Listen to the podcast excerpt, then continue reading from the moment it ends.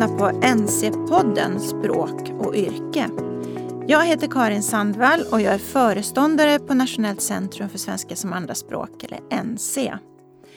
Under de senaste åren har vi arbetat med att utveckla och pröva en didaktisk modell för integrering av yrkesutbildning och andraspråksundervisning.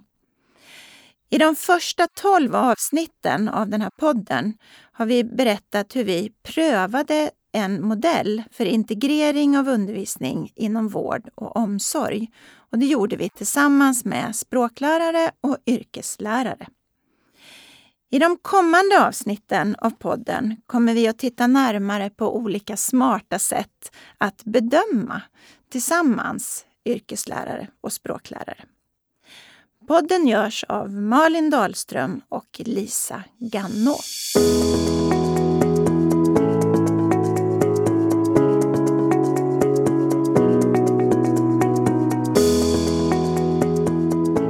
Jag heter Lisa Ganno och idag har jag en gäst här i NC-podden som heter Maria Rydell. Välkommen Maria! Tack! Jag tycker att det är jättespännande att du är här hos oss idag för du är ju expert på det här med bedömning. Och eh, som ni som lyssnar på den här podden vet så är ju vi i färd att försöka ta fram en modell för att bedöma eh, kommunikativ förmåga och yrkesutveckling på ett integrerat sätt. Så vi vill gärna höra dels vad du har forskat om men också dina synpunkter på det vi vill utveckla. Mm. Eh, så min första fråga till dig det är, hur kom det sig att du blev intresserad av bedömning? Eh, jag har ju eh, erfarenhet både som SFI-lärare och som provkonstruktör i de nationella proven för SFI. Och min avhandling handlar om synen på språklig kompetens.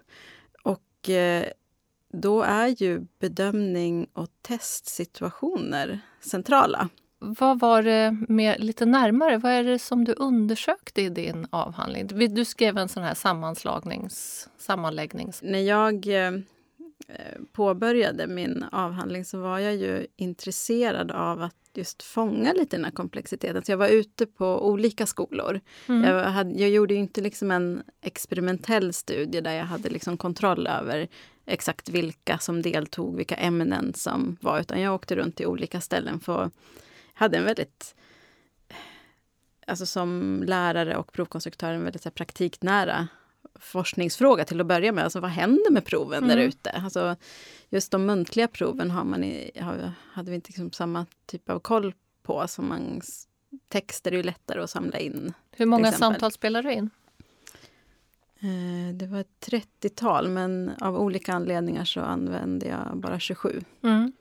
Och de är ungefär 10 till 15 minuter så det är ganska krävande att sitta och prata i 10 minuter inför någon som sitter och lyssnar och bedömer en. Ja, just det. Eh, och det gjorde ju att, i och med att ämnena ibland kunde vara ganska öppna, så eh, slogs jag lite av hur de på något sätt orienterar sig mot äm, samtalsämnen som de upplevde som... Eh, man måste ju fylla samtalet med någonting, men ja. att de orientera sig mot ämnen som kanske upplevdes som lite säkra att prata om. Det var, det var, det var en ganska tydlig koppling till ideologier i samhället, alltså när man pratade om hur, vad det innebär att lära sig svenska, att använda svenska språket. Men var det, att, alltså in, var det då alltså eleverna ja, ja, som oavsett uppgift, uppgift började prata om vad det innebär att vara Jag är lite mer så här, äh, friare, för jag, jag var mm. intresserad av synen på språklig kompetens. Att jag mm. ju,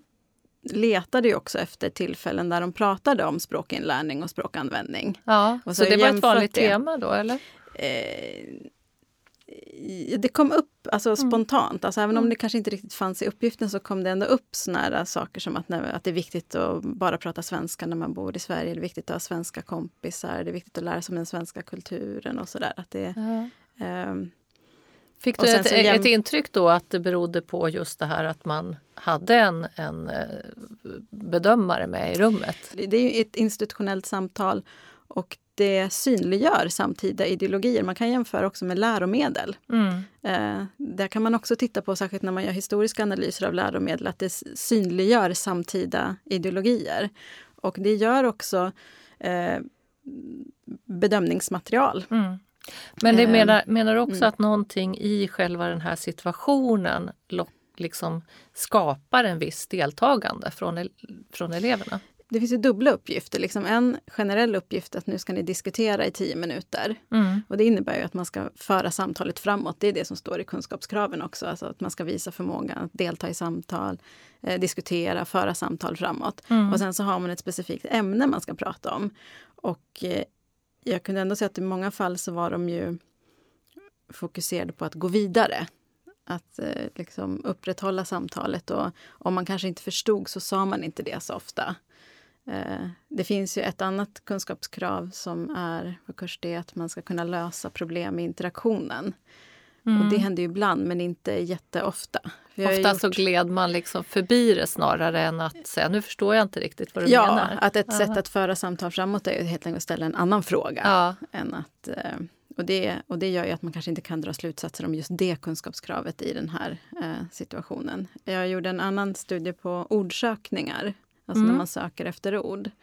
Eh, för det är ju ett eh, tillfälle där flera aspekter av den kommunikativa språkförmågan aktualiseras. För att, eh, den kommunikativa språkförmågan är ju, man kallar för multikomponentiell, alltså det består av flera saker. Ja. Och i en ordsökning så aktualiseras dels ordkunskap. Alltså också- när de trevar efter att hitta ja, rätt för att ord? hitta eller? ett ord. Ja, precis. Då är det dels ordkunskap, eh, men också förmågan att förhandla om mening. Eh, och även att lösa problem Mm. i, i interaktionen. Och där kanske liksom det finns olika spänningar där. Liksom ska man försöka hitta precision?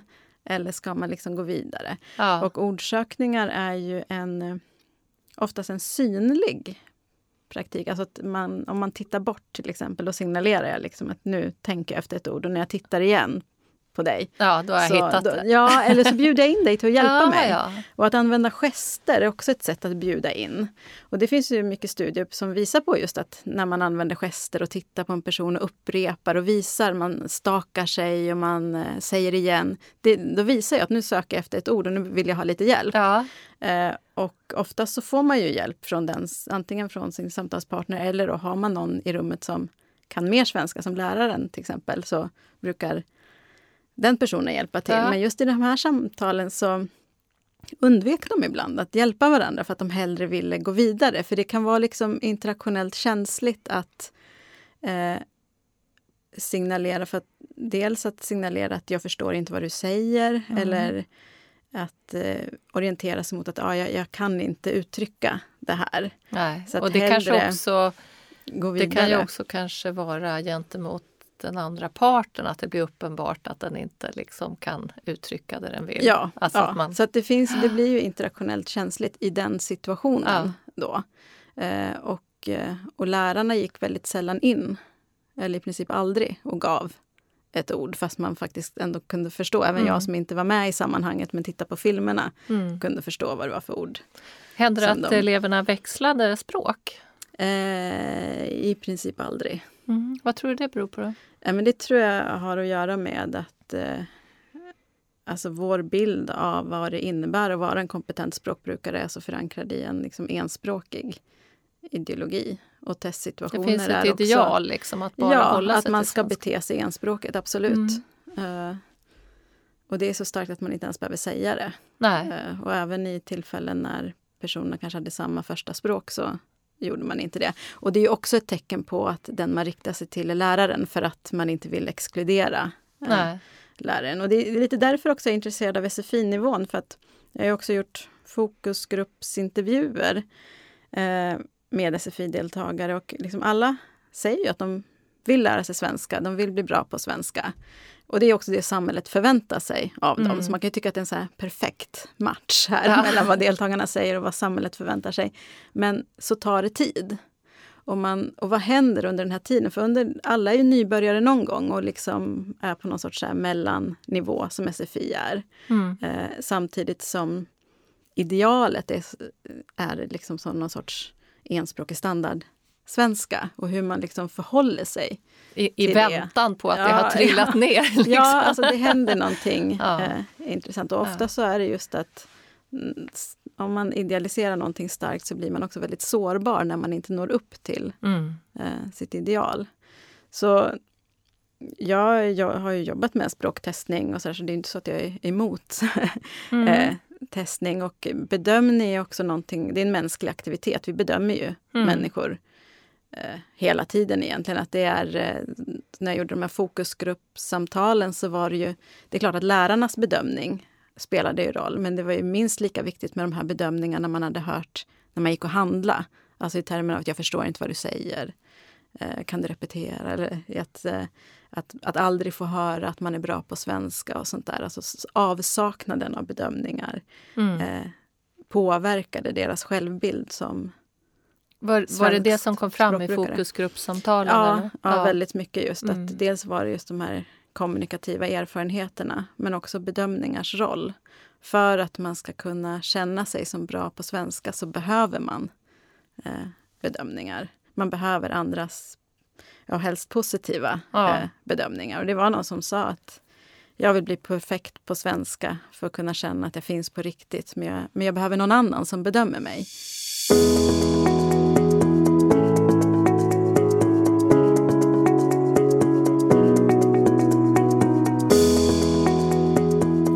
Den 12 mars hade vi ett seminarium eh, där vi hade bjudit in eh, forskare och lärare och eh, utvecklare av olika slag som jobbar med språk och yrke.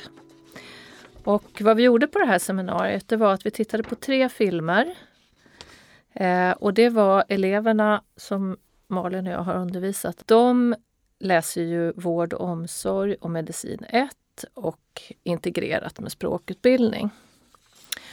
Och då hade vi spelat in dem, eh, eller filmat dem, när de eh, gör ett rollspel och mäter blodtryck på varann. Och de hade förberett det här rollspelet skriftligt. Så i rollspelet spelar en vårdtagare och en är undersköterska. Och de ska visa de moment som ingår när man tar blodtryck och hur kommunikationen mellan vårdtagare och patient kan te sig i en sån situation. Så först tittar vi på den. Och sen fick eleverna i uppgift att titta på bilder som vi tog medan de gjorde rollspelet. Och så skulle de ställa frågor till varann vad de gjorde på bilderna och varför de gjorde som de gjorde. Och uppgiften löd ungefär Ställ frågor till varann och förklara varför det är viktigt att, att göra som ni gör. Mm. Eh, och sen lät vi kameran gå för att eleverna började prata om vi ställde lite frågor om eh, vad var lättast? Var det att spela rollspel eller att förklara och ställa frågor till varandra? Och vad behövde de träna vidare på? Så det var de tre filmerna som var underlag för vårt seminarium. För vår fråga till er var ju Funkar de här filmerna som underlag för att bedöma språk och yrke? Och det var ju både yrkeslärare och språklärare och forskare och ja, alla mm. möjliga där. Mm. Eh, vad tänker du, du som har liksom verkligen grottat ner dig i vad händer med eleverna? Vad, vad, gör en provsituation med eleverna? Vilka förutsättningar får eleverna att visa mm. vad de kan? Eh, det här var ju inte meningen att vi skulle bedöma om eleverna klarade några särskilda mm. kriterier mm. utan mer om underlagen. Ja, alltså en sak som följde av min argumentation av att eh, eh, testsituationen är en egen språkbrukssituation är ju att eh, man har väldigt mycket av att få förbereda sig, att få träna på liknande situationer. Mm. Eh, och jag tyckte att det material vi tittade på var ett sånt material som var bra för det. Ja. Det skulle absolut kunna användas som ett underlag för bedömning, både bedömning av vissa mål i vårdkurserna men också vissa mål i SFI-kursplanen. Mm. För att SFIs kursplan är ju så oerhört eh, allmän. Mm. Alltså där man, ska kunna kommunicera i vardags, samhälls och arbetsliv. Alltså det behöver brytas ner på något sätt. Ja. Och framförallt så behövs det göras relevant för eleverna. Det måste vara, vi pratar ju om det här med autentiskt, men man kan också tänka att det var inte en autentisk liksom, situation med en autentisk patient, så, utan det var ju ett rollspel. Ja. Men det var ju en situation som liknade en som de kan hamna i. Och det gör att den blir meningsfull. För det, det Mm. såg man ju också på det material som vi tittade på sen, alltså när de satt och pratade om situationen. Ja. Så eh, väckte den engagemang. Mm. Eh, och ofta så när man eh, bedömer muntlig färdighet så har man oftast olika typer av uppgifter för att få fram olika typer av språkbruk. Mm. Eh, och, ehm, och just eh, det här när man arbetar integrerat, alltså både språk och yrkeskunskaper som Mm. hänger ihop, eh, så är det viktigt att ha med bedömningen också och tänka att för om det här är, låt säga att det skulle vara slut, en sorts slutexamination, så får den ju också betydelse för eh, de studerande, att de också vill träna på den. Ja. Eh, så det, det är ett sätt hur man kan använda också testsituationen till att faktiskt liksom visa på vad det är man ska kunna både under kursen och senare och Mm. få möjlighet att träna på det. Eh, och när det gäller bedömningen så är det viktigt att eh, arbeta tillsammans med eh, vårdlärare, alltså språk och Mm. vårdlärare arbetar tillsammans. För att när man har gjort eh, studier på ja, testning av eh, språkfärdigheter i relation till vissa yrken. Eh, och man har jämfört med till exempel, till exempel vårdyrken. Då, eller om man jämför vad säger språkvetarna när de bedömer och vad säger liksom de yrkesprofessionella när de bedömer så kan man sett att man tittar på lite olika saker. Ja. Och språkvetarna liksom mer fokuserade på rent lingvistiska medan de som har yrkes och alltså den kontextbundna kunskapen tittar på det ur ett mer kanske holistiskt perspektiv. Ja. Alltså att man tittar, funkar det kommunikativt och så. Och man Mm. får ofta in andra aspekter. Vi tittade på en elev som skulle ta blodtryck på en patient. Ja. Och där ingår ju att kunna förklara vad man gör. Men det ingår ju också relationsbyggande Mm. aspekter som att kunna etablera förtroende. Mm. Eh, Och kroppsspråk ja. och många... Och nu var det också så att de i det här fallet berättade för den som spelar patient och varför man, lite varför man tar blodtryck. Och Ja, sådär. och det är ju en Mm. del av liksom, eh, vet man ska säga, vårdideologin idag. Ja. faktiskt. Alltså apropå det här med att det synliggör ideologier. Ja, Eh, att, eh, att man ska ha en patientstyrd vård, att man ska bjuda in patienten. Att man berättar eh, vad det är man gör medan man gör det. För jag menar. Den som är eh, sjuksköterska till exempel behöver ju inte tänka högt kring hur man tar ett blodtryck. Det är ju så rutiniserat, automatiserat. Men för patienten är det ju inte det. Så det är Nej. ett sätt att bjuda in patienten att berätta vad det är man gör medan man gör det. det. Och då använder man ju språkliga redskap för att utöva sin profession. Mm. Så det hänger ju ihop. Skulle man kunna använda ett sånt här tillvägagångssätt som slutexamination? Ja, men det skulle man kunna göra. Och då måste man ju utgå från eh, målen. Vad är det de ska visa att de kan och vilka mål som aktualiseras här? För det är ju sällan alla. Mm. Eh, men minst lika viktigt är eh, att använda den här typen av situationen under resans gång. Ja. För att det är också en eh, lärande situation. Eh, när de får titta på filmerna själva och diskutera vad de gör och så. Eh, men också det här som jag sa om att bedömning är en process för att skaffa information för att fatta beslut av nå- något slag. Att man får möjlighet att förbättra sig. Att man kan använda bedömningssituationer i undervisningen för formativ bedömning. Mm. Men också att eh, ge deltagarna en rimlig chans att man får träna på situationer. Mm.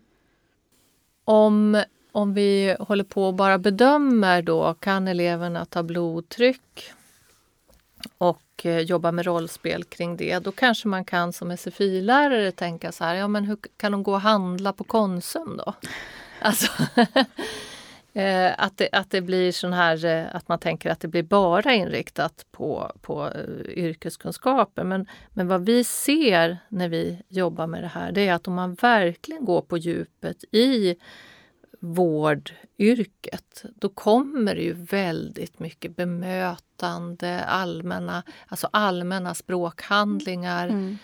eh, som, som om man verkligen bottnar i dem också kommer att kunna användas mm. i andra situationer. Alltså om man tänker den kommunikativa språksynen som dagens kursplaner bygger på eh, handlar ju om att man ska kunna använda språket effektivt i olika situationer. Och mm. för det så behöver man ju språkliga resurser.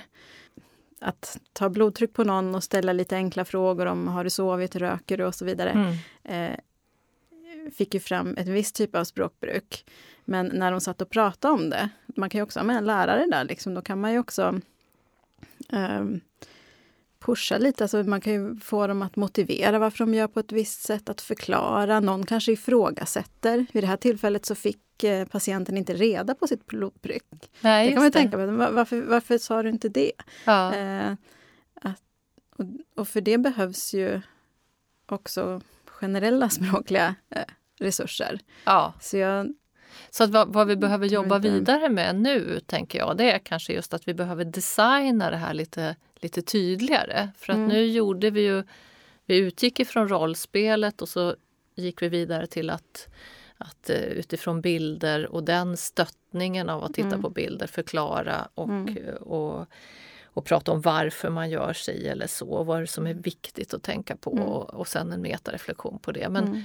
men där är väl just det där att där skulle vi behöva eh, skruva åt och göra lite tydligare mm. exakt vad är det de ska Absolut, visa. Absolut, för det, mm. det, är där man behöver, för att kunna använda det som en bedömningssituation, så behöver man ju kunna eh, formulera vad det är de visar att de kan. Ja. Eh, kan man beskriva ett händelseförlopp ja. på ett eh, tydligt sätt? Eh, kan man motivera varför man gör som man gör? Ehm. Och där kan, kan ju man som lärare då behöva gå in och säga så här, mm. när, när, det var en, en, elev som frågade den andra varför spritade du stetoskopet? Mm. Och då så svarar den andra eleven mm. eh, det är på grund av hygien. Mm. Och det var ju typiskt ett sånt här exempel då jag skulle vilja gått in och säga så här, mm. men vad menar du med att mm. det är hygien? Men där, så sagt, där, där droppade de Ja, och det är där jag tror att man mm. behöver en lärare som liksom pushar lite mm. till nästa nivå. Ja. Och det är på det sättet man kan använda det formativt också. Men det här med att skriva ner vad det är eh, som aktualiseras eh, och vad det är man ser, alltså hur man får belägg för sina argument, är, eh, är jätteviktigt. För det handlar ju också om att kunna säga vad är det för slutsatser vi får här, mm. men vad är det vi inte får? Vad är det mm. vi kanske måste bedöma andra på andra, sätt. andra ja, sätt? Ur bedömningssynpunkt, eh, vad ser du för fördelar med den här, här, den här modellen att examinera? Eh, ja, eh, en fördel är ju att man eh, skapar ett kommunikativt sammanhang som är meningsfullt för eleverna. Eh, för det är någonting som är väldigt svårt att komma på bra uppgifter att prata om. Och det vet ju alla lärare som ska komma på så uppgifter man ska sitta och diskutera i i klassrummet. Och att eh, individer reagerar olika på olika typer av uppgifter. Så, så här har man ju ett sammanhang som är eh, meningsfullt för eleverna för att det är någonting som de tänker sig att de ska göra i sin framtida yrkesutövning. Mm. Eh, men en annan stor fördel är ju att eller i alla fall om man också använder det i undervisningen, att de känner igen sig i situationen och vet vad som förväntas av dem. För det är någonting som kan vara svårt i just, jag tänker de här nationella proven som jag studerat. Det är ju ingen, de får ju liknande instruktioner att de ska prata med varandra och ställa frågor och att läraren kommer lyssna. Men det är ju aldrig någon som säger något om vad som ska bedömas. Nej, okay. Och eh, jag var ju intresserad av att se hur de här proven, vad hände med proven ute på skolor? Jag såg ju att ja, men det var lite olika. Liksom. Ibland var man två lärare, ibland var man en. Ibland var det, satt läraren med och liksom pratade lite grann. Ibland satt läraren med och nickade lite. Ibland tittade läraren bort och bara satt och lyssnade. Ibland satte sig läraren i en annan del av rummet och så. Mm. Så att ja, det, var, det var olika när det gällde hur det liksom genomfördes i praktiken.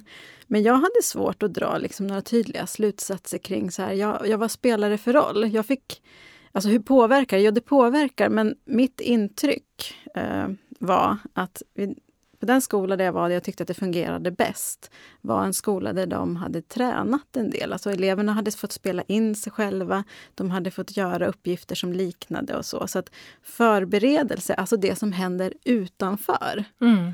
de erfarenheter mm. man har med sig mm. påverkar också. Och då, och då tror jag ett sånt här äh, upplägg som är äh, där man har tydliga ramar kring vad som förväntas och vad man ska göra. Mm. Och att det också används formativt i undervisningen. Det tror jag är en, en styrka. Vad roligt. Eh, vi ska gå vidare med det här arbetet eh, framöver och eh, ta fram fler exempel. Och det här kommer vi också göra stödmaterial kring. Mm, intressant. Ja. Tack Maria Ridell för Tack att du kom hit. Tack för att jag blev inbjuden. NC-podden Språk och yrke spelas in i Språkstudion på Institutionen för språkdidaktik vid Stockholms universitet. Vår producent heter Kristin Eriksdotter Nordgren.